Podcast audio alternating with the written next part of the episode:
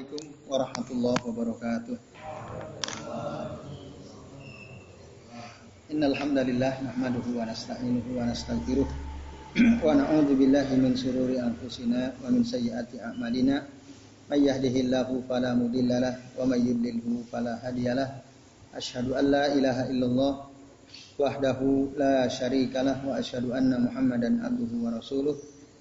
Allahumma salli wa sallim wa barik ala Muhammad wa ala ali Muhammad kama sallaita wa barakta ala Ibrahim wa ala ali Ibrahim fil alamin innaka Hamidum Majid. Rabbi israh li sadri wa yassir li amri wa hlul 'uqdatam min lisani yafqahu qawli. Amma ba'du. Bapak-bapak dan ikhwas sekalian, rahimani wa rahimakumullah. Ya, semoga kita semua yang hadir di majelis ini senantiasa dirahmati Allah Subhanahu wa taala. Amin ya Allah ya rabbal alamin. Baik, ikhwas sekalian dan bapak-bapak yang semoga kita semua senantiasa dirahmati Allah pada kesempatan malam hari ini kita akan lanjut ya kajian kita kajian kitab Fadul Islam dan pada pertemuan pekan lalu kita membahas hadis Uzaifah Ibnul Yaman ya yang dikeluarkan oleh Imam Bukhari dan Imam Muslim. Uh, kemarin itu sudah sampai pembahasan bahwa di tengah-tengah kaum muslimin itu nanti ada dakhon itu ya. Siapa itu dakhon? Yas, ya, kaumun yastannuna bi ghairi sunnati wa yahtaduna bi ghairi hadi. Yaitu suatu kaum yang uh, mereka mengambil sunnah tapi bukan dari sunnahku kata Rasul. Mengambil petunjuk tapi bukan dari petunjukku. Ta'rifu minhum wa tunkir. Kalian mengetahui mereka tapi kalian mengingkari mereka. Ta'rifu minhum wa tunkir. Lalu ditanya lagi, Fahal ba'da hadzal khair min syarr apakah sah kebaikan ini ada keburukan? Qala na'am, ya. Fitnatun amya. Fitnah yang membabi buta wa du'atun ala abwabi jahannam itu ya. Dan para dai yang menyeru ke pintu neraka jahanam. Paman man ajabahum ilaiha qazafuhu fiha. Barang siapa yang jawab dakwah seruan mereka maka dia akan atau mereka akan dilemparkan ke dalam neraka jahanam. Nah, Bapak-bapak dan ikhwas sekalian, jadi yang dimaksud mereka menyeru kepada neraka jahanam itu bukan berarti ayo kita masuk neraka jahanam, ayo kita masuk neraka jahanam. Enggak, enggak begitu. Ya. Waalaikumsalam warahmatullahi wabarakatuh.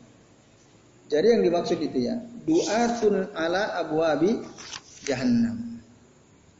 Itu artinya bukan uh, berarti mereka menyeru kita, ayo kita masuk neraka jahanam. Bukan itu yang dimaksud ya dalam hadis ini. Tetapi apa? Nah, mereka kalau seruannya baik seruannya. Mari kita beribadah gitu ya. Mari kita mendekatkan diri kepada kepada Allah. Itu yang diserukan oleh mereka. Tetapi seruan-seruan yang mereka lakukan itu menyelisihi sunnah Rasul Sallallahu Alaihi Wasallam. Itu maksud duatun ala abu jahannam itu. Ah, mengajak kepada kesesatan, mengajak kepada perbuatan bid'ah. Itu dan itu banyak sekali kan terjadi ya tengah-tengah kita. Ngajak ajakannya bisa langsung di majelis atau lewat poster-poster gitu ya. Kita diajak untuk melakukan sesuatu padahal sesuatu yang dilakukan tersebut menyelisihi sunnah Rasulullah SAW. Nah, ayatnya kan jelas sekali. Dalam Al-Quran itu ada ayat yang kita dilarang menyelisihi perintah Rasulullah SAW. Wal yahdaril ladina yukhalifuna an amrihi an tusibahum fitnatun au yusibahum adabun adi. Hendaklah berhati-hati orang-orang yang menyelisihi Nabi, menyelisihi perintah Nabi Shallallahu Alaihi Wasallam. Yukhalifuna an amrihi. Hati-hati kata Allah. Kenapa antusibahum fitnatun? Nah, mereka akan terkena fitnah maksudnya azab. Di mana di dunia? Au yusibahum atau mereka akan tertimpa azab azabun alim, azab yang pedih kapan nanti di akhirat. Jadi orang yang berani menyelisihi perintah Rasul, dia akan diadab di dunia, juga dia akan diadab di di akhirat. Atau kalau kita perhatikan ayatnya, antusibahum fitnatun au yusibahum azabun alim. Di situ menggunakan kata au. Au itu atau. Berarti pilihan. Maksudnya kalau enggak dia terkena azab di dunia, ya dia di akhirat pasti kena azab yang yang pedih. Nah itulah dia teman-teman sekalian yang dimaksud doa ila abwabi jahannam. Nah, itu dia. Salam. Nah, maka pada bab dua bab sebelumnya memang bid'ah itu lebih apa?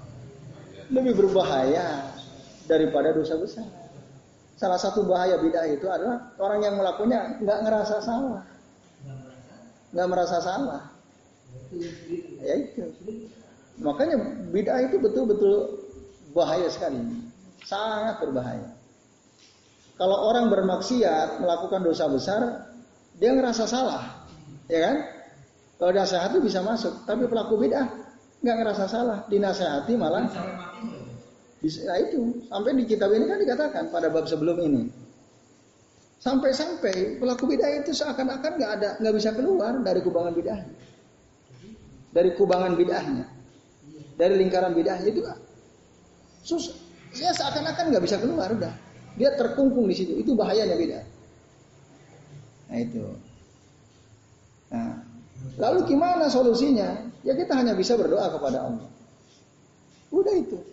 Karena kalau kita dakwahi, apalagi dia pendakwah juga, kalah kita. Apalagi kalau kita nggak punya ilmu ya, hafalan hadis kita lemah hafalannya. Wah lebih parah lagi kita. Kalau hafalan hadis kita banyak, bacaan kitab kita banyak, mereka agak mengerucut tuh, apa apa? Mengkerut agak mengkerut ya. Tapi kalau dia menang lebih banyak hafalan hadisnya, dia lebih bacaannya lebih banyak, sementara kita cuma baca satu kitab, dia berkitab-kitab dia baca, lalu kita debat sama dia, ya kita yang mengkerut, diinjek-injek kita. Sehingga para ulama mengatakan, kalau kita nggak punya ilmu, jangan berdebat dengan ahli bidah bisa kena racunnya kita. Lebih baik menghindar. Tapi kalau kita punya ilmu, udah lawan.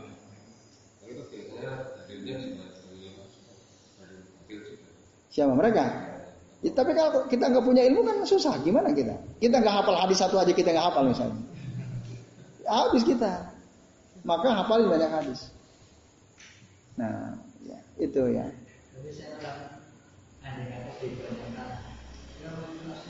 Apa? Iya, iya. Tidak gitu. Kalau mereka kalah debat, panggil polisi, tangkap tuh dia. Ini radikal nih, radikal. Itu kan di kitab di kitab apa? Di Mujahidin tuh Masih Jaliyah kan? Ketika kalah ilmu, kalah debat, mereka ah min gitu. Itu min min ada til jahiliyah. Hah? Atau kalau istilah sekarang gunakan buzzer nyerang kita atau yang yang paling ini pemerintah. Nah, mereka mengeluh ke pemerintah, pimpinan ya kepada ya pemerintah. Nanti pemerintah yang menciduk tuh. Nah itu. Jadi memang ngeri sekali ya. Ahlul bidah itu sangat uh, susah sekali mereka karena mereka merasa benar. Itu kita kemarin sudah bahas ya di bab sebelum ini Bapak-bapak dan ikhlas sekalian. Nah, jadi tadi saya ingin menggarisbawahi bahwa yang dimaksud duatun ila abwabi jahannam itu bukan berarti mereka ayo kita masuk neraka jahannam masuk bukan. Mereka menyeru kita berbuat baik, beramal soleh, beribadah, puasa. Tapi puasanya yang aneh-aneh, sholatnya yang aneh-aneh, ziarah kuburnya yang aneh-aneh, yang menyelisih sunnah. Intinya yang menyelisih sun, sunnah. Yang ah itu. Ayo kita banyak banyakin sholawat. Sholawatnya aneh-aneh. Itu. Yang tadi kita bahas pagi kan? Itu perbanyak sholawat sholat badar kan? Sholat badar apa ke sholat badar? Nggak apa sholat badar? Salatullah salamullah ala yasin ala toha rasulillah Salatullah salamullah ala yasin habibillah Apa itu? Sampai akhir apa? Ya, tawassalna bi bismillah wa bil hadi rasulillah wa kulli mujahidin lillah bi ahlil badri ya Allah. Itu kan bermasalah. Cuma tadi pagi dalam kajian tafsir kita ada bahas ya itu masalah itu. Nah. Ah. ah. Iya, iya. Ah.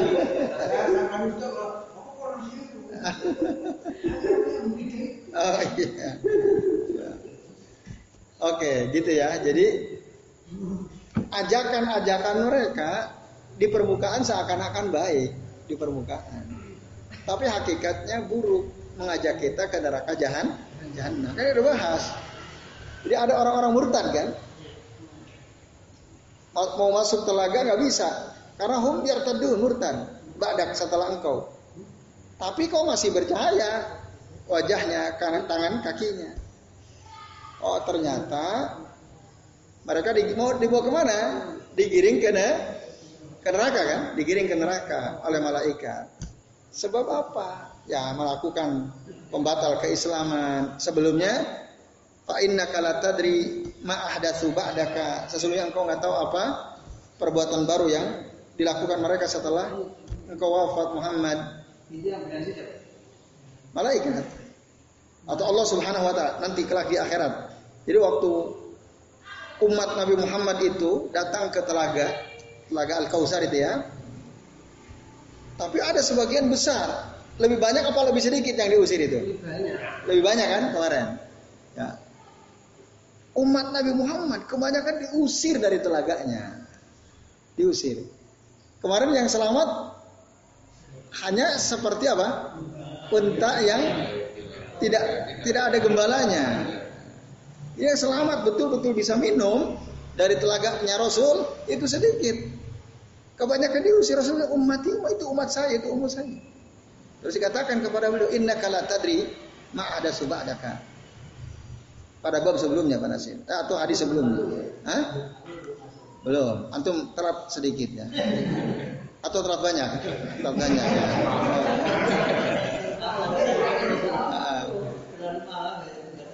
Ya, ya. Oke, itu ya. Jadi itu ngeri itu. Diusirin. Nah, ke mana ke neraka? Akibat apa? Ya para dai itu, para dai yang mengajak mereka ke pintu-pintu neraka jahan. Itu baru kerasa nanti. Nah, jadi bapak-bapak dan ikhwas kalian ya, itu yang dimaksud duatun ila abwabi jahannam. Maka kita jangan im imma, jangan imma, harus tahu dasarnya. Nah itu ya. Oke, kita lanjut. Tapi sayangnya, nah ini yang ngerinya lagi. Ya, jadi kalau kita ikutin mereka, kan disebutkan, ya, man ajabahum ilaiha qazafuhu fiha. Barang siapa yang menjawab seruan mereka, maka mereka yang menjawab itu akan dilemparkan ke dalam neraka jahan, jahanam digiring nanti.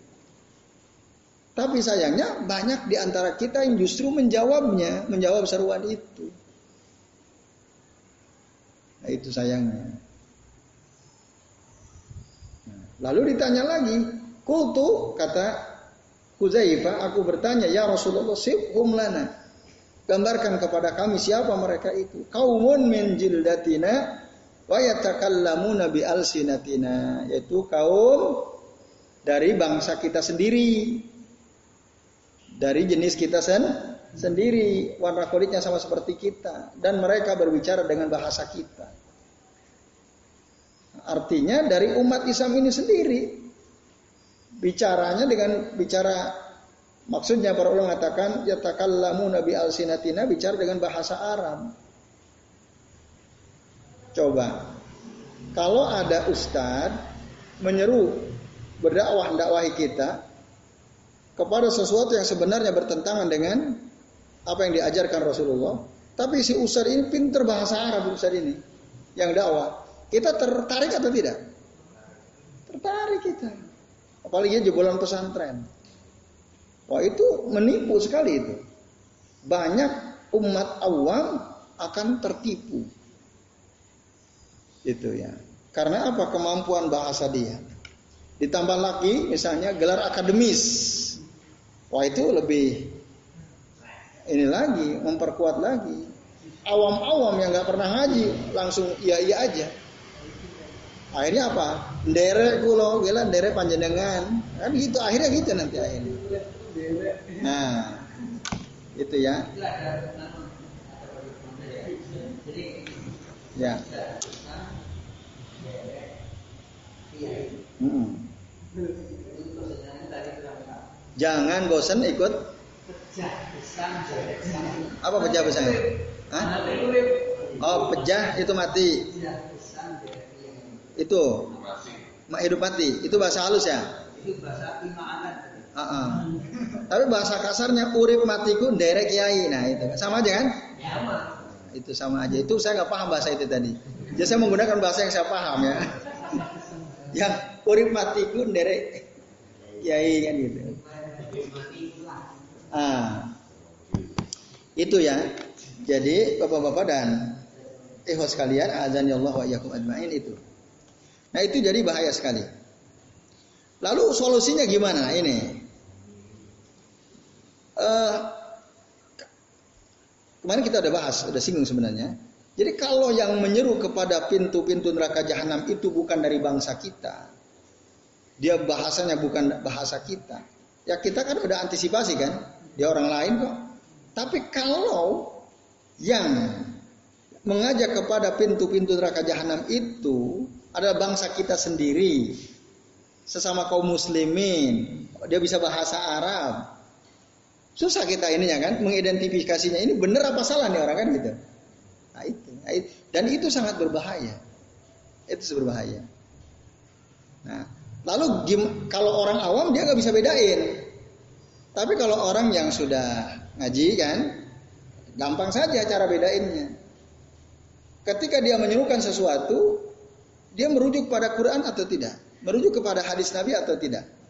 Mana yang lebih dia tekan dia ditekan-tekanin? Kalau dia menekankan kepada Quran, menekankan kepada Sunnah, bahkan dia sebutkan riwayat siapa, hadisnya sahih atau tidak. Nah, udah. Kalau dia nyebutin lengkap berarti bukan. Tapi kalau dia yang penting ngomong, apalagi kalau dia menghina dulal dalil, gak perlu dulal dalil. Nah, kan ada tuh tokoh dulal dalil dulal dalil. Ada kan? Ah, sitik-sitik dalil, sisi dalil. Oh, apa?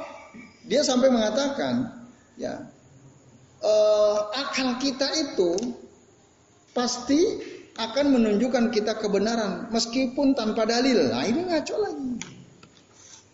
Ada tuh tokoh begitu. Bahkan yang lebih kacau lagi, kalau ada ustadz sebentar-sebentar dalil, ustadz-ustadz sebentar dalil itu ustadz anyaran katanya. Ustadz Anyaran. Artinya Ustadz masih bego itu namanya ya. Kalau bahasa bahasa halusnya begitulah kira-kira ya. Nah, ya kalau us, udah cerdas itu orang, tingkatnya ilmu udah tinggi, nggak dulal dalil enggak. Kan begitu tuh. Siarnya mereka begitu. Ya semakin hebat ustadz, semakin hebat kiai. Ah, itu. Yang nggak pakai dalil. Itu tipuan luar biasa itu.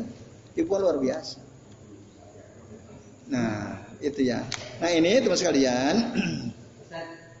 ya. panitia. Ah. Panitia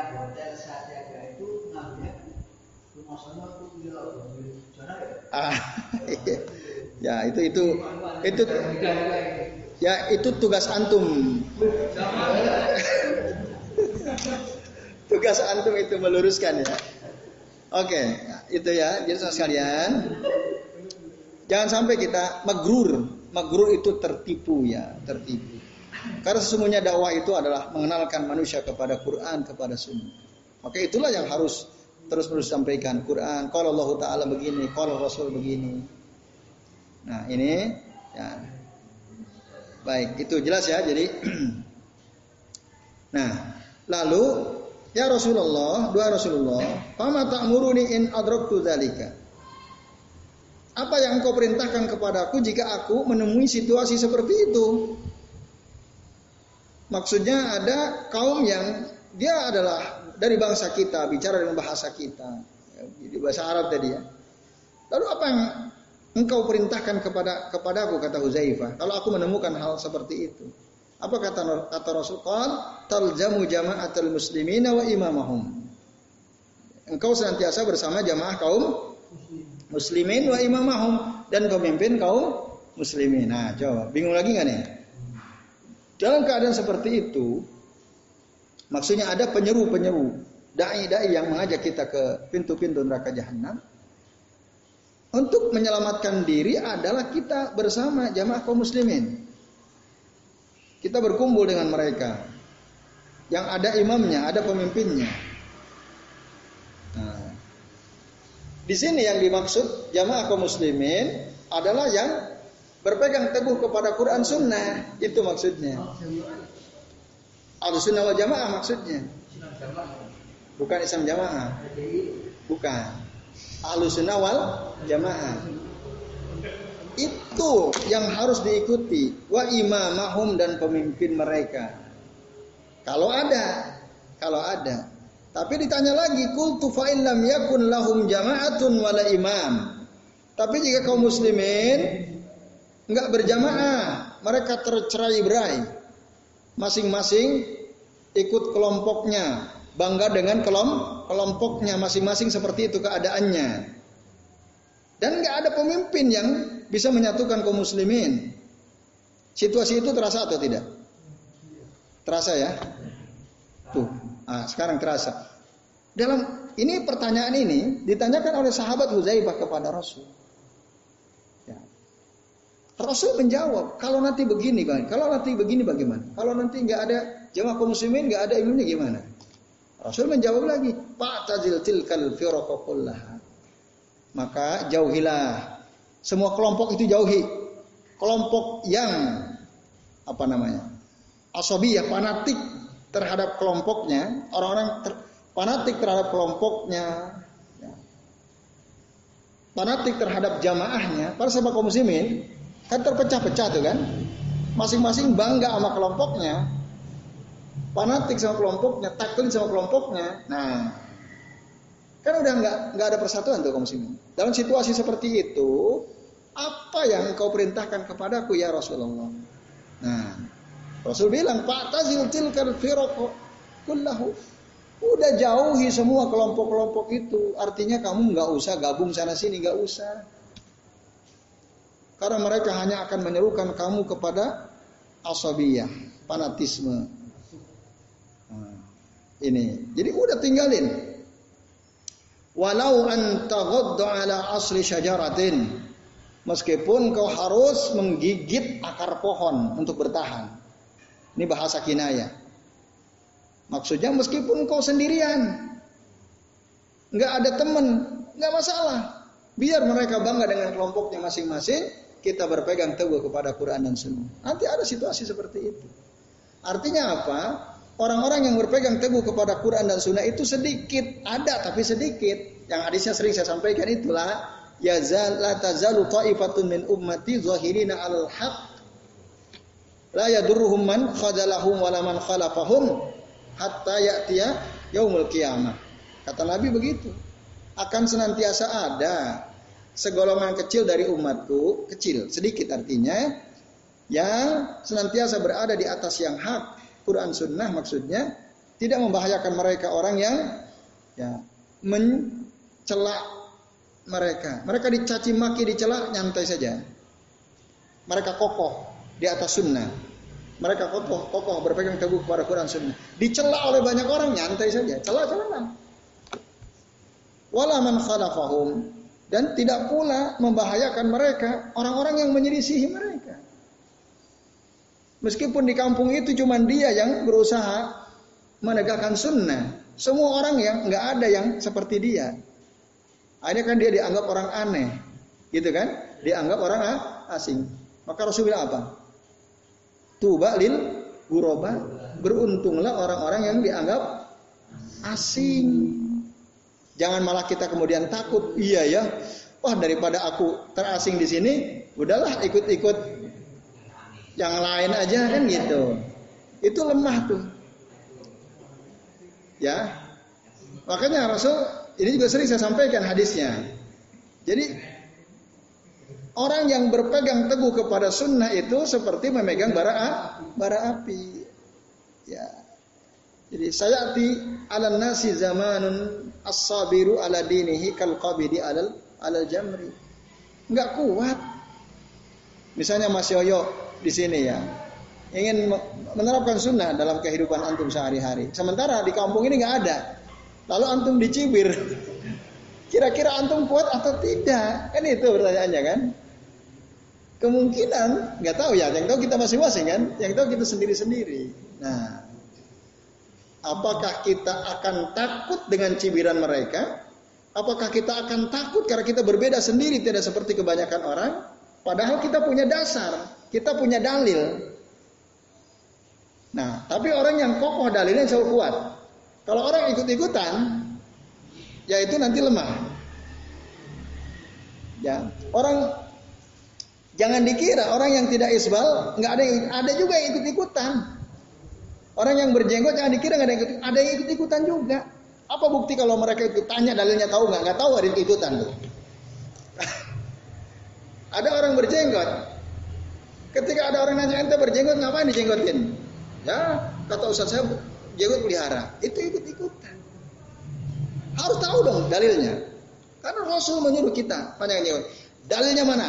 Ke rumah ada bukunya di kitab di rumah. Nanti aku belum hafal tapi ada kitabnya. Nah itu mantap begitu. Kalau kita nggak hafal, ya minimal kita punya kitabnya ya kan? Kalau kita hafal, alhamdulillah. Kalau enggak, maka kitab-kitab kayak gini penting dimiliki. Setiap kita ngaji kitab apa, kita harus punya kitabnya. Kita nggak hafal hadisnya, saya punya kitabnya. Ayo kita ke rumah, tak tunjukin. Kan gitu. Nah itu baru nggak ikut ikutan. Tapi kalau kata Ustad, kata Ustad, ah, itu masih ikut ikutan kita. Masih ikut ikutan. Nah, itu ya. Jadi harus kalau Allah Azza wa Jalla, kalau Rasulullah SAW gitu.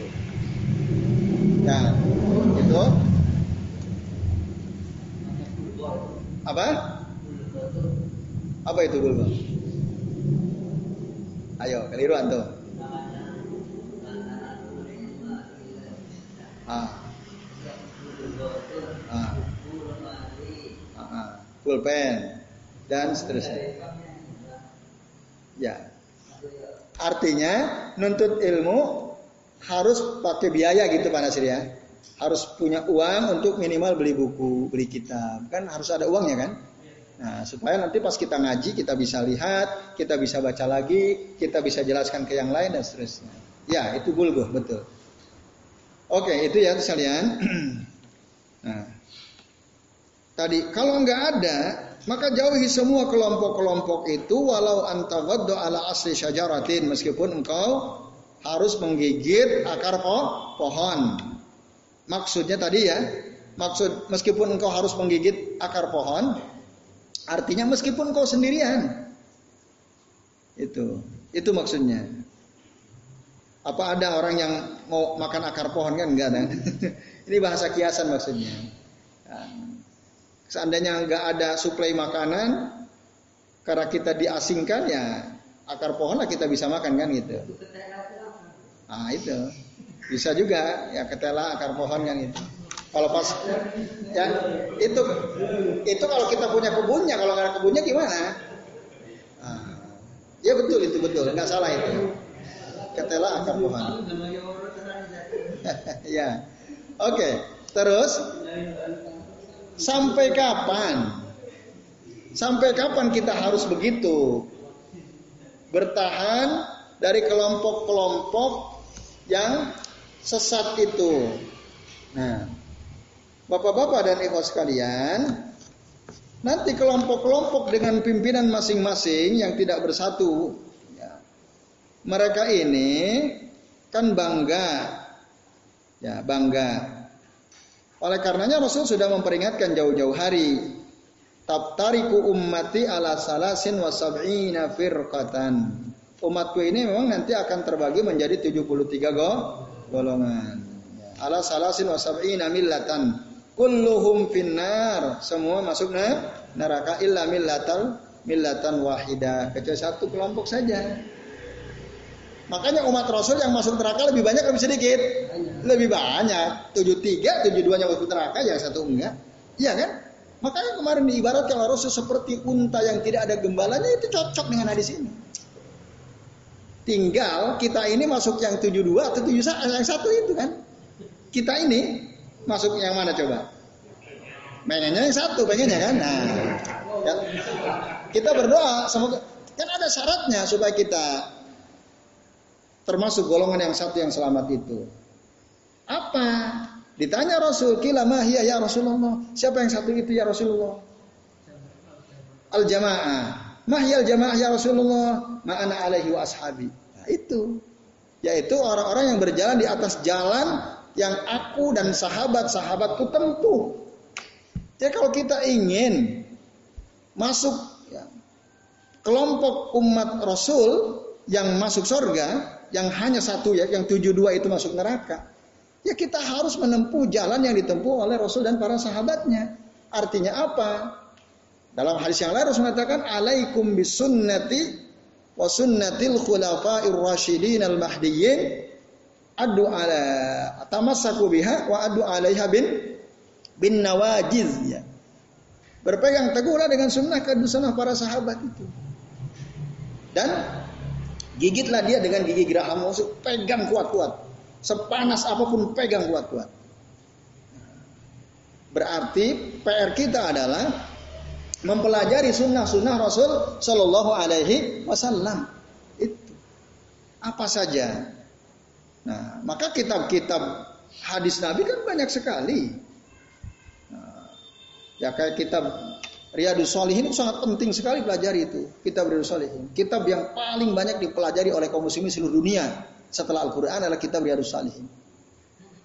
Kitab Bulughul Maram itu penting sekali.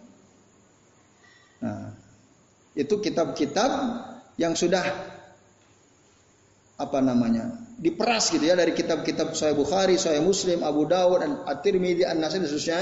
Kutub saya itu di intisarinya ya ada di kitab Riyadus Salihin, ada di kitab Bulughul Mara atau kitab Umdatul Ahkam misalnya. Nah, okay. Apa Pak? Ntar terus gimana maksudnya?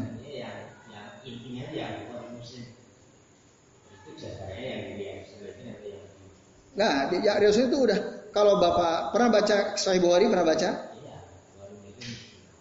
Pernah ya? Coba lihat Bukhari Muslim. Satu hadis itu sanadnya kan disebutkan panjang sekali. Sanadnya. Sahih Bukhari itu an an fulan bin fulan an fulan haddatsana fulan itu disebut, tapi Riyadus Shalihin enggak, enggak ada itu dibuang itunya. Berarti itu intisarinya. Gitu. Udah ringkasannya. Karena sanadnya udah di udah dilepasin gitu ya.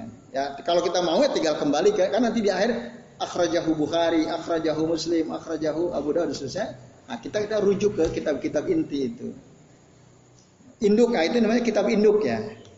Saya Bukhari, saya Muslim itu kitab in, induk. Nah, tapi kalau intisarinya ya setelah di baca oleh Al Imam An Nawawi ya, beliau diperas sama beliau.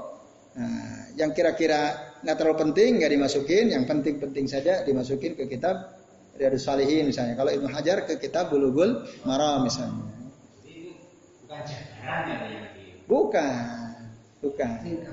Ringkasan. Kalau jabaran Nanti baru ada kitab misalnya Bahzatun Nazirin Syarah Riyadis Salihin baru jabaran. Kitab Bahzatun Nazirin atau kitab Dalilul Qarim. Bukan, bukan. Riyadus Salihin bukan penjelasan dari Bukhari Muslim. Ringkasan. Kalau penjelasan itu nah nanti yang menjelaskan kitab Riyadus Salihin contoh Nuzhatul Muttaqin atau Bahzatun Nazirin atau Dalilul Falihin. Nah, ini jabaran baru ini. Kitabnya tebal-tebal kalau jabaran, ada 6 jilid, 8 jilid seterusnya. Riyadus Salihin kan cuma satu jilid. Yang asli ya, kalau terjemah kadang dua jilid. Bulughul Maram aslinya kan cuma satu jilid. Tapi kalau terjemah itu sarah udah. Itu udah sarah, itu udah dijabarkan itu.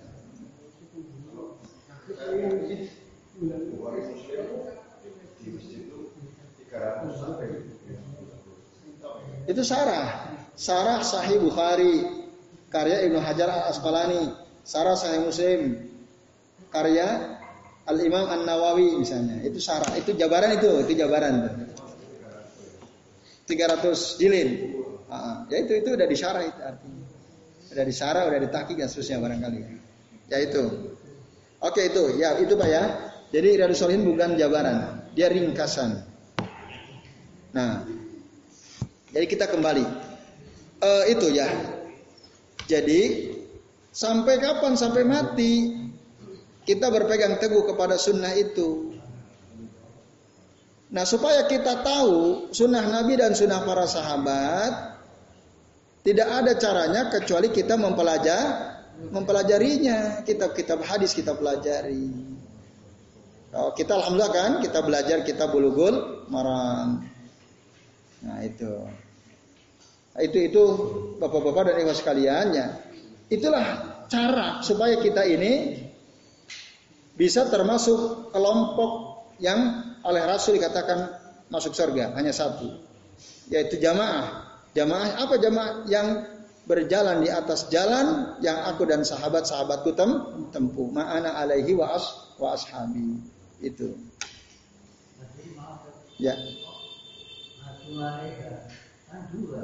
Apanya dua? Akan ah. Ah. Ah itu kan tamassaku biha wa adu alaiha bin nawadi. Itu secara bahasa, secara bahasa seperti itu. Tapi kalau dilihat hadisnya, coba antum cek hadisnya. Apakah tamassaku bihima atau tamassaku biha? Dalam hadis yang antum pernah lihat? Ah ya. Ya kadang itu dijadikan satu dalil-dalil ada dalam Quran dan Sunnah berarti kan al adillah. Al adillah itu jamak dari dalil itu ya atau as sunnah. Al Islam huwa sunnah ya. Islam itu mencakup di dalamnya Al Quran dan as sunnah. Al Islam huwa sunnah. Islam itu sunnah. Jadi itu nggak ada masalah ya. Ah, kan, Iya, jadi duit tunggal betul sekali. Three in one, eh, two in one ya, two in one, two in one. Dua dalam satu. Karena itu satu kesatuan. Al-Quran dan Al-Quran dan Sunnah. Jadi dua itu satu. Ya, maka di, disebutlah tamas sakubiha wa adu alaiha bin bin nawadid. Berpegang teguhlah kepadanya dan gigitlah dia dengan gigi gerah. Itu nggak ada masalah, nggak ada masalah seperti itu nggak salah. Itu itu nggak kayak gitu itu, cuman butuh penjelasan, gitu, butuh penjelasan. Nah penjelasannya ini yang saya jelaskan ke antum, itu. Kalau kalau secara permukaan nampaknya salah gitu ya, nampaknya salah. Kan dua kok malah kan gitu. secara permukaan orang yang baru paham bahasa Arab biasanya begitu memang. Nah, biasa begitu ya. biasa, ya, itu nggak ada masalah. Nah,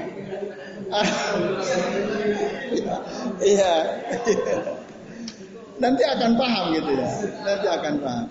Tapi justru penting, artinya berarti antum punya sedikit pengetahuan kan tentang kalau dua itu harus huma, bukan hak kan begitu. Ya nggak masalah.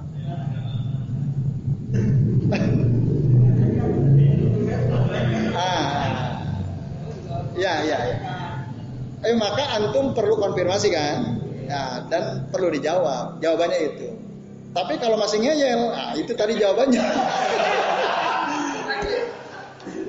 Kayak gitu. Ah, ah. Ya, ya, ya.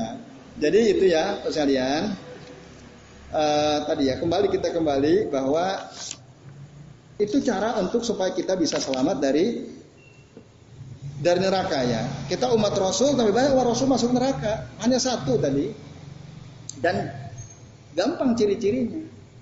Yaitu orang yang apa tadi? Berjalan di atas jalan yang aku dan sahabat-sahabatku tempuh. Itulah yang kemudian oleh para ulama sebut al-firqatun najiyah atau ifa al-mansurah ya. Kelompok yang selamat, kelompok yang ditolong oleh Allah Subhanahu wa taala. Nah, ini Bapak-bapak dan ikhwas sekalian. Ya, saya kira ini ya penjelasan tambahan dari hadis Uzaifah. Hadis Uzaifah itu diriwayatkan oleh Imam Bukhari dan Imam Muslim ya, akhrajahu Al-Bukhari wa Muslim. Kemudian zada Muslim, wah ini waktunya sudah habis. Imam Muslim ada tambahan. Saya lanjutkan sedikit ya. Ada tiga baris di sini.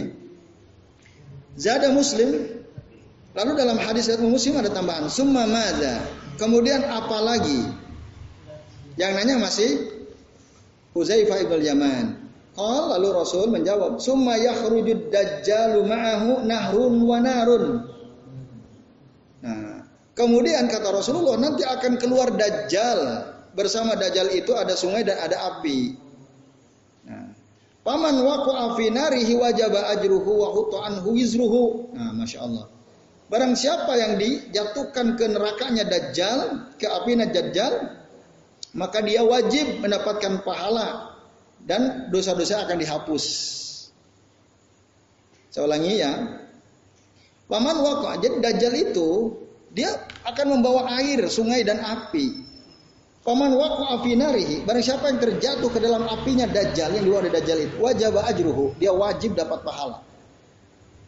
Wa anhu dan dihapus darinya dosa-dosanya.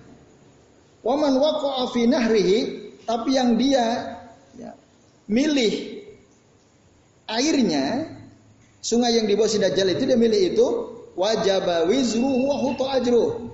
Dia wajib mendapatkan dosanya dan dihapus pahalanya. Nah, kultu aku bertanya lagi, summa madza? Terus apa lagi ya Rasul?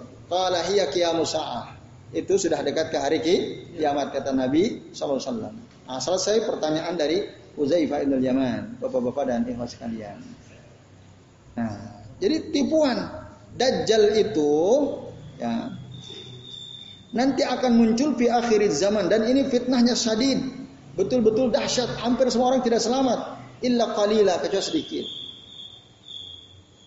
Nah, kenapa disebut dajjal? Dajjal disebut dari kata ad-dajjalu. Ad-dajjal itu al-kadzib. Dajjal berarti kadzab, banyak bohongnya. Maka ada dajjal dari jenis manusia itu. Dajjal-dajjal Sebelum muncul dajjal beneran, dajjal-dajjal udah muncul. Siapa yang sering berbohong? ada orang mau nggak jadi presiden lima periode? dia nggak mau. Eh ternyata mau lima periode, lima periode. Saya bilang lima periode loh. Anu coba coba ini, ini lima periode. Nah itu kayak gitu seandainya, wah saya nggak mau lima periode, empat periode saya udah capek. Eh ternyata pas mau lima periode, oke okay, kan Nah apa namanya itu kalau bukan Dajjal? Dajjal namanya. Sekali lagi garis bawahi saya bilang lima periode loh ya. Nah itu. Artinya nggak nggak sembarang kata-kata kan itu bisa jadi delik ini silakan kan saya bilang lima periode saya bilang. Nah ini ya sekalian jadi ada. Nah bagian Rasul itu bahkan Para rasul sebelum Nabi Muhammad SAW itu semua mereka sudah jauh-jauh hari sudah mengingatkan dengan peringatan yang keras terhadap bahayanya Dajjal ini. Nah, dikatakan di sini walihada kana nabi wal anbiya'u kulluhum yuhadziruna minal masihid dajjal. Oleh karena itu, oleh karena ini nabi dan seluruh para nabi semuanya mengingatkan umatnya dari bahaya daj dajjal. Itu. Nah, dajjal tadi banyak bohongnya. Nah, maka tadi kata Rasul, orang yang memilih air Dajjal, sungai Dajjal, dia justru akan berdosa dan pahalanya dihilangkan. Tapi kalau dia milih apinya Dajjal, justru dia akan wajib diberi pahala dan dosa-dosanya dihilangkan, dihapuskan. Nah ini bapak-bapak dan ikhwas sekalian. Nah lalu kemudian adakah cara supaya kita selamat dari fitnah Dajjal? Karena dia ini hebat sekali. Ya, Hujan nggak turun lama. Dajjal bilang, eh langit kamu turun hujan. Nggak usah sholat istisqa, turun. Hujan turun. Langit. Kalau kita kan nggak hujan, pengen supaya hujan turun, sholat istisqa kan. Dajjal nggak perlu sholat istisqa, dia nyuruh langit turun hujan, turun hujan. Tanah kering, tanah kering kerontang. Kalau Dajjal, eh kamu, awas, kamu tunggu, tunggu, tunggu, tunggu. Begitu. Ke, maka coba kira-kira kalau ada orang kita yang melihat orang sakti mandraguna seperti itu, kira-kira gimana kita? Ikut ya kita? Ikut kita. Makanya banyak orang tidak selamat dari dajjal itu. Kalau kita nggak nurut digergaji kita, dibelah dua kita. Habis gitu udah mati, bisa lap, dia bisa ngerapetin lagi. Nah, ini fitnahnya dahsyat dajjal itu. Nah, maka banyak orang tertipu oleh daj, dajjal. Dia punya kekuatan luar biasa, ya bapak-bapak dan ikhlas sekalian. Nah, makanya Nabi memberikan peringatan sangat keras. Ya. Lalu supaya kita selamat. Nah, di antaranya ada apa? Membaca doa di saat tasyahud terakhir dari mohon perlindungan dari empat perkara itu ya.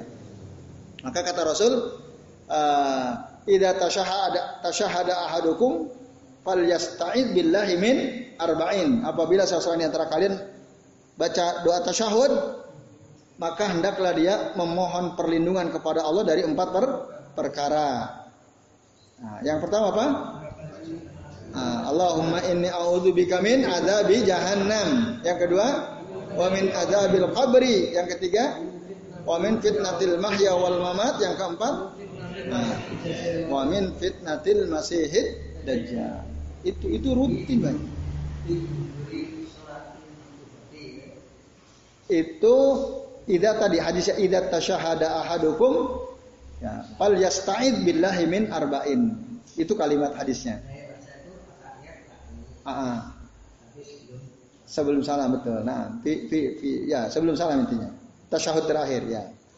Nah itu bapak-bapak dan ikhwas sekalian itu satu. Yang kedua apa? Ah, ah. menghafal 10 ayat pertama atau 10 ayat ter akhir dari surah Al Al Kahfi dari surah Al Kahfi. Nah, bukan lain lagi, lain lagi. Ah, ya. Barakallahu lana walahu ya. Barakallahu lana walahu. Semoga Allah berkahi kita semua. Ya, jadi Rasul mengatakan, "Man hafidhu asra ayatin min awali suratil kahfi." Barang siapa yang hafal 10 ayat pertama dari surah Kahfi, Wa fi riwayatin ukhra dalam riwayat yang lain katakan min akhiri suratil kahfi 10 ayat dari surah uh, akhir surah Al-Kahfi usima minan minat dajjal. Dia akan dilindungi oleh Allah dari dajjal. Itu. Itu maksudnya baca apa? Ya, di, dihafalin. Hafal dibaca tentu, dibaca. Enggak, itu hafal, dihafal. Bacanya kapan saja. Enggak di nggak ditentukan. Ya. Intinya menghafal 10 ayat pertama surah Al-Kahfi dan 10 ayat terakhir dari surah Al-Kahfi. Itu yang paling ri, ringan. Atau ada lagi sebagian orang mengatakan kita tinggal di Madinah, pergi ke Madinah, pergi ke Makkah. Karena Dajjal nggak bisa masuk Madinah Makkah. Nanti sebelum Dajjal datang akan terjadi gempa besar di Makkah di Madinah. Hah? Untuk nyaring. Nanti yang munafik-munafik itu menculat-menculat. Apa menculat tuh? Ah, ah, seperti kita bersihin beras itu pakai apa namanya nih? Tampi ya. Itu kan yang nggak mutu, nggak mutu keluar-keluar terbang-terbang ya nggak mutu. Tapi yang masih mutu ya di situ terjadi gempa itu nanti yang munafik, orang-orang yang culas itu akan terlempar. Semua orang yang betul-betul beriman dia akan tetap bertahan di Makkah di Madinah itu. Bukan dikeluarin semua enggak. Nah ini. Nah, itu di antara cara supaya kita selamat dari fitnah dajjal. Kan mahal. Tiketnya nggak tahu berapa waktu itu ya. nah maka yang paling ringan ya kita apa? Tidak, tidak harus mati di sana. Nah, tapi kalau kita mati di sana, hakku alaihi syafaat dia wajib dapat syafaat dari kata Rasulullah. Nah ini bapak-bapak dan ibu sekalian ya azan ya Allah iyyakum ajmain. Kita sampai sini dulu ya karena udah jam 10 lewat. Uh,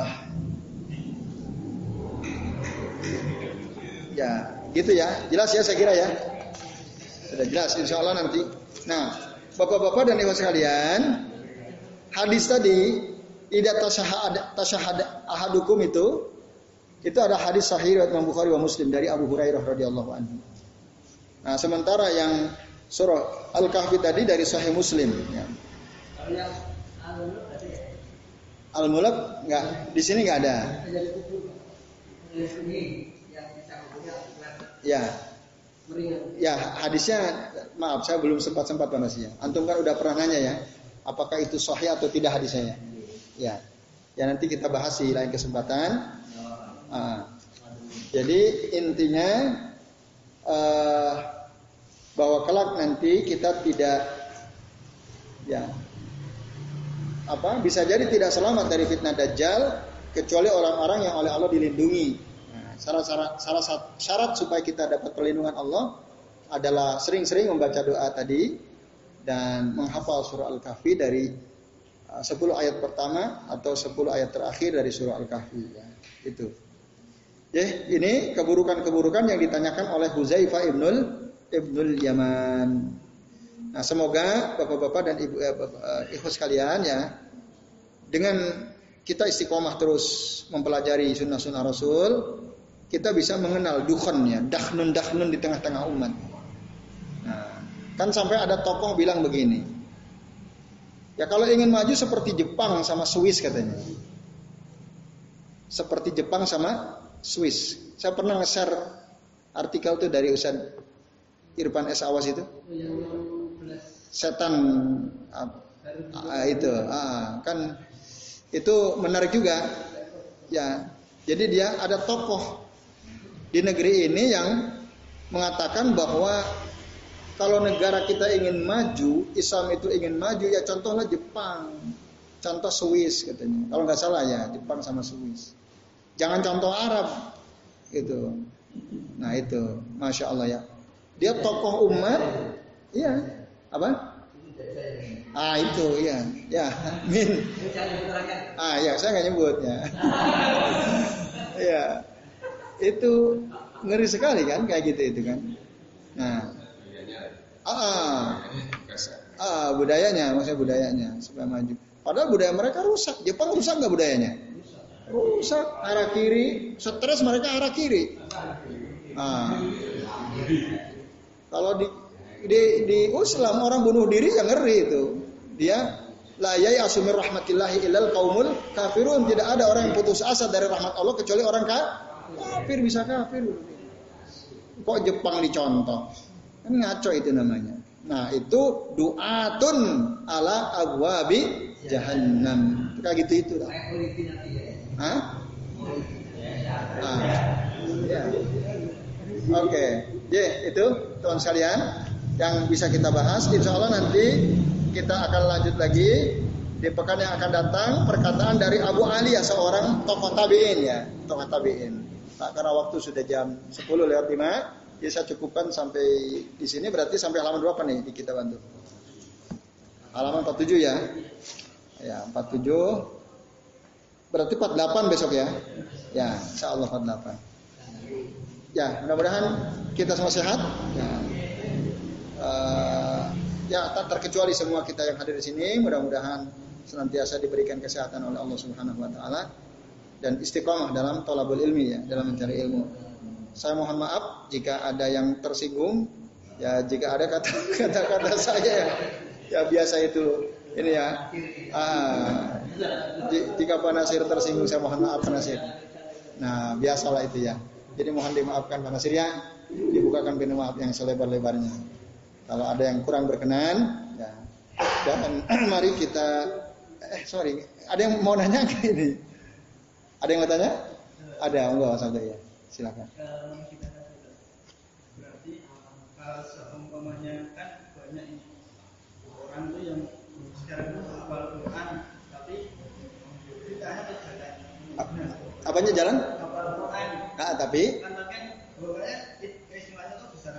hmm. Banyak yang istimewa dari hafal Quran tapi tidak bid'ahnya tuh jalan. Iya. Itu apa juga dia itu akan dari cakapnya Nabi dan ketika nih masuk neraka menggunakannya apakah bisa lolos atau tetap di situ samanya Padahal dia hafal Quran. Sama kalau tidak kita itu sedekah sedekah itu harus sholat. tapi sedekah sedekahnya itu untuk membangun pondok nah pondoknya ini kita tuh tahu kalau yang membangun ini adalah orang yang memang jauh melihara kita. Nah itu gimana harusnya kita nolak atau kita ngasih dan nanti Kita sodako ke dia atau enggak gitu? Ya. Kita mau sodako ke pondok pesantren. ya, di pesantren diajarkan bid'ah-bid'ah. ya, Apakah kita sodako ke dia atau tidak? Oke. gitu. Ya baik, Mas Abdul. Terima kasih. Ya, yang pertama, haf hafid Quran. Alhamdulillah Quran. Seseorang itu baru dikatakan betul-betul hafid ketika bukan hanya sekedar hafal, tapi dia mengamalkan isi Al-Quran seluruhnya. Itulah hafid. Kalau dia baru hafal Quran namanya hafid hafidan. Haf- haf- ya, itu belum dikatakan hafid, belum dikatakan hamilul Quran. Nah, dulu saya pernah diundang oleh pesantren hafalan Quran ya disuruh menyampaikan jangan tinggalkan Quran. Nah, lalu saya sampaikan ada satu kitab yang saya baca dalam kitab itu jelaskan bahwa tarkul Quran, hajrul Quran, istilahnya hajrul Quran, meninggalkan Quran itu ada banyak, ada lima atau enam bentuknya. Kan Rasul mengeluh kepada Allah Subhanahu wa taala. Inna hadzal Qur'ana mahjura. Ya Allah, sesungguhnya Al-Qur'an ini tinggalkan. Orang yang meninggalkan disebut hajirul Qur'an, yang meninggalkannya. Qur'annya disebut mahjur karena ditinggalkan. Cari itu ayat berapa? Ada yang hafal nggak itu? Inna hadzal Qur'ana mahjura. Sesungguhnya Qur'an ini ditinggalkan. Nah, tadi saya suruh nyari antum, antum suruh nyari saya. Ya udahlah saya cari. Alisa berapa? Ayo, jangan ngarang-ngarang antum. Ya.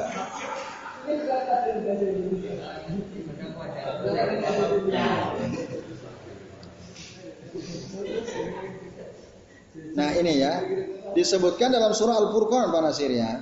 Jauh sekali antum dari Isra ke Al-Furqannya. Jadi Rasul katakan waqala Rasul Rasul berkata, "Ya Rabbi, wahai Tuhanku, inna qaumi ittakhadhu hadzal Qur'ana mahjura." Sesungguhnya kaumku menjadikan Al-Qur'an ini di, ditinggalkan. Al-Furqan ayat 30. Nah, salah satu yang dianggap sebagai hajirul Quran adalah orang yang menghafal ayat-ayatnya tapi tidak mengamalkan isinya. Bahwa hajirul Quran. Maka dia orang yang meninggalkan Quran. Itu.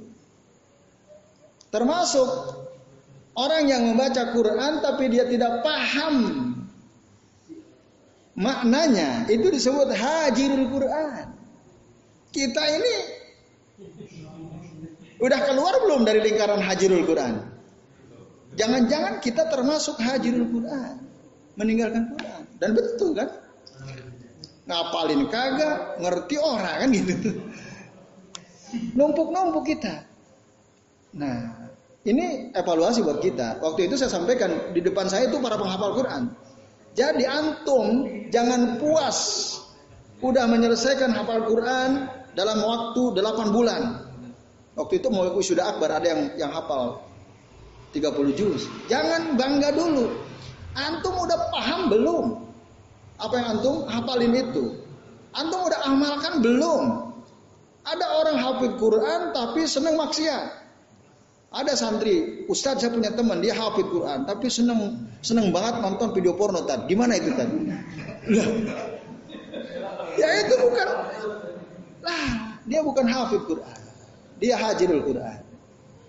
Nah, itu. Jadi orang yang seperti itu ya nggak ada faedahnya kalau dia hanya puas sampai dia bisa menghafal. Ya dia amalkan ilmunya. Isi Al-Quran dia amalkan. Berusaha mengamalkan. Kemudian akhlaknya akhlak Quran. Dia paham. Karena memahami Quran disuruh oleh Allah. Ada juga ayatnya itu.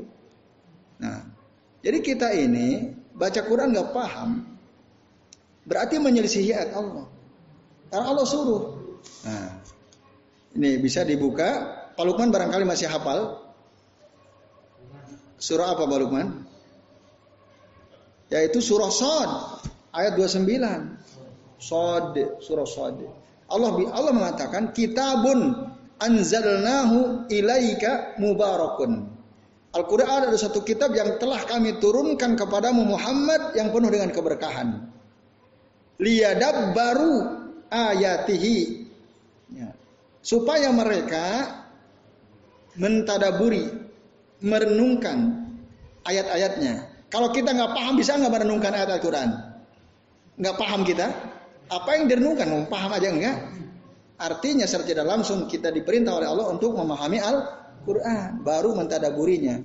Waliyatazak waliyatazak ulul alba dan supaya orang-orang berakal itu mengambil pelajaran dari Al-Quran. Lah kalau kita nggak paham gimana ngambil pelajarannya?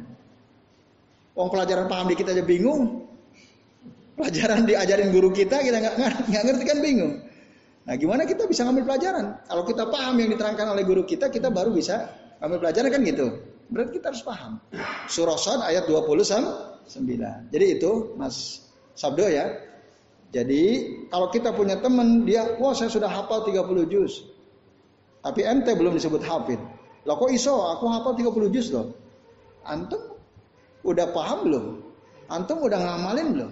Nah, dulu sahabat Nabi mereka nggak mau ya nambah hafalan sebelum apa yang dihafalkan jadi amal. Jadi kami itu kata para sahabat menghafalkan belajar 10 ayat Al-Qur'an dan kami tidak naik tidak nambah hafalan kami sampai kami bisa me memahami dan mengamalkan ayat yang kami pelajari. Setelah kami paham hafal baru.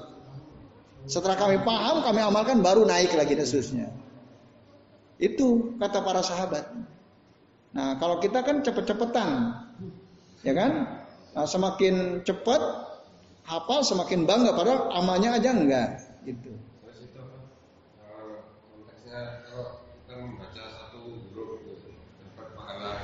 Itu benar, benar.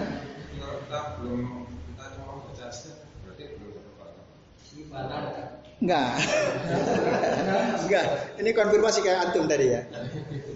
Nah, itu betul hadisnya. Man qara'a harfan minal Qur'ani falahu hasanatun bi asri amsalihah. Barang siapa membaca satu huruf dari Al-Qur'an maka dia dapat satu kebaikan dikali lipat jadi sepuluh. Itu benar. Tapi tadi jangan puas sampai di situ. Gitu. Itu adalah motivasi dari Rasul. Quran itu ada sesuatu yang apabila kita baca berpahala. Apalagi kita hafalin, apalagi kita pahamin, apalagi kita amalkan. Wah lebih dahsyat lagi. Oke siap.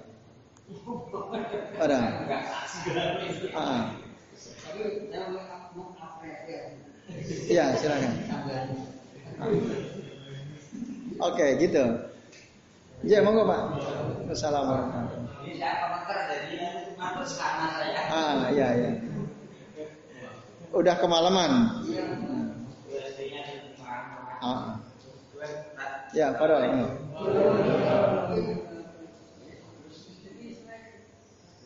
Snacknya Pak di bawah Pak. Mana sih?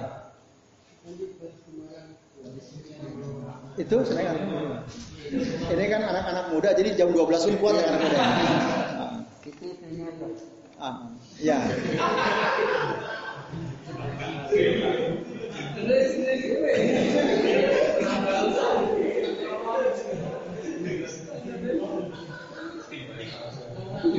Hati-hati Pak Nasir. Nah itu ya. Jadi gitu, ya betul, hadis itu betul ya targib namanya, targib dari Rasul SAW supaya kita rajin membaca Al-Quran. Ya mudah-mudahan dengan rajin baca terdorong untuk ngapalin, dengan apa terdorong untuk memahami, untuk ngamalkan khususnya. Intinya tadi bahwa ketika kita mau menghafal Quran harus diniatkan sekaligus untuk memahaminya, untuk mengamalkannya, bahkan untuk mendakwahkannya. Harus itu. Jangan pendorongnya jangan hanya ingin hafal tok, tapi lebih dari itu. Karena orang yang hanya sekedar menghafal lafaz-lafaznya masih termasuk hajir. Hajirul Quran. Kalau dia nggak berusaha memahaminya, tidak berusaha mengamalkannya. Ya, seperti yang diceritakan Mas Abdul tadi kan. Yaitu. Yang kedua, ya kalau kita mau sodako harus selektif memang pilih-pilih. Kalau pondok yang mau kita sodakohi kurikulumnya ngaco gitu ya, masih banyak kitab-kitab yang diajarkan tidak jelas ya dasarnya atau banyak uh, apa tadi hal-hal yang tidak diajarkan Rasul misalnya diajarkan kepada santri-santrinya lebih baik kita nggak usah. Jangan sodako ke pondok yang seperti itu. Jadi itu Mas Aldo ya karena kalau kita mendukung menyumbang donasi gitu ya kepada pondok para di pondok itu. Diajarkan bid'ah-bid'ah dalam agama. Berarti kita ikut andil. Ikut an andil menyebarkan bid'ah itu. Nah al mutasabbi bukan mubashir ya. Orang yang menjadi sebab terjadinya suatu peristiwa yang jelek atau yang baik seperti dia yang pelakunya sendiri. Gitu. Maka jangan sembarangan selektif, pilih-pilih. Saya akan donasi ke mana? Ya, pilihlah yang betul-betul berpegang teguh kepada Quran Sunnah. Ya, wallahu taala alam Itu masalahnya.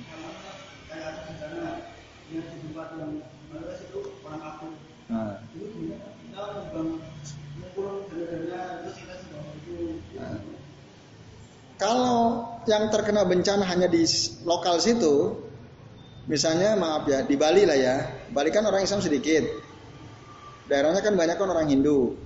Kena bencana besar kita nyumbang boleh, boleh. Itu aksi kemanusiaan boleh, meskipun mereka bukan Muslim boleh. Kita bantu mereka. Kecuali kalau mereka memerangi kita, ah itu jangan. Masa musuh yang memerangi kita kita bantu kan enggak dong. Nah, tapi selama mereka tidak memerangi kita, meskipun orang kafir, ya kita bantu. Itu. Ya itu ya. Tapi kalau ada dua wilayah kena bencana besar, satu muslim semua, satu kafir kebanyakan. Mana yang diprioritaskan? Ya muslim dong. Nah, jadi muslim itu kan kal jasadil wahid ya. Sesama muslim ibarat satu tuh satu tubuh. Ya. Jadi harus dalam riwayat yang lain al mukminu ya orang mukmin itu bil mukmin dengan orang beriman kal bunyani yasuddu ba'duhu ba'duhum ba'da. Bagikan satu bangunan yang saling menguatkan satu sama sama lain. Ya, itu dulu yang prioritaskan. Tapi kalau enggak hanya daerah atau wilayah yang di situ banyak orang kafir, kita nyumbang boleh. Kita bantu mereka. Ya itu. Allah taala alam Baik, cukup ya. Ya, kita cukupkan sampai di sini. Insya Allah nanti kita lanjut lagi. Terima kasih atas perhatian antum semua. Uh, nanti ditutup oleh Mas Abdo ya selaku pembawa acara dan kami sekali lagi mohon maaf Bapak-bapak dan teman sekalian ya. Dan saya akhiri wasallallahu ala Muhammadin wa ala alihi wa sahbihi wa baraka wa alaihim ajmain.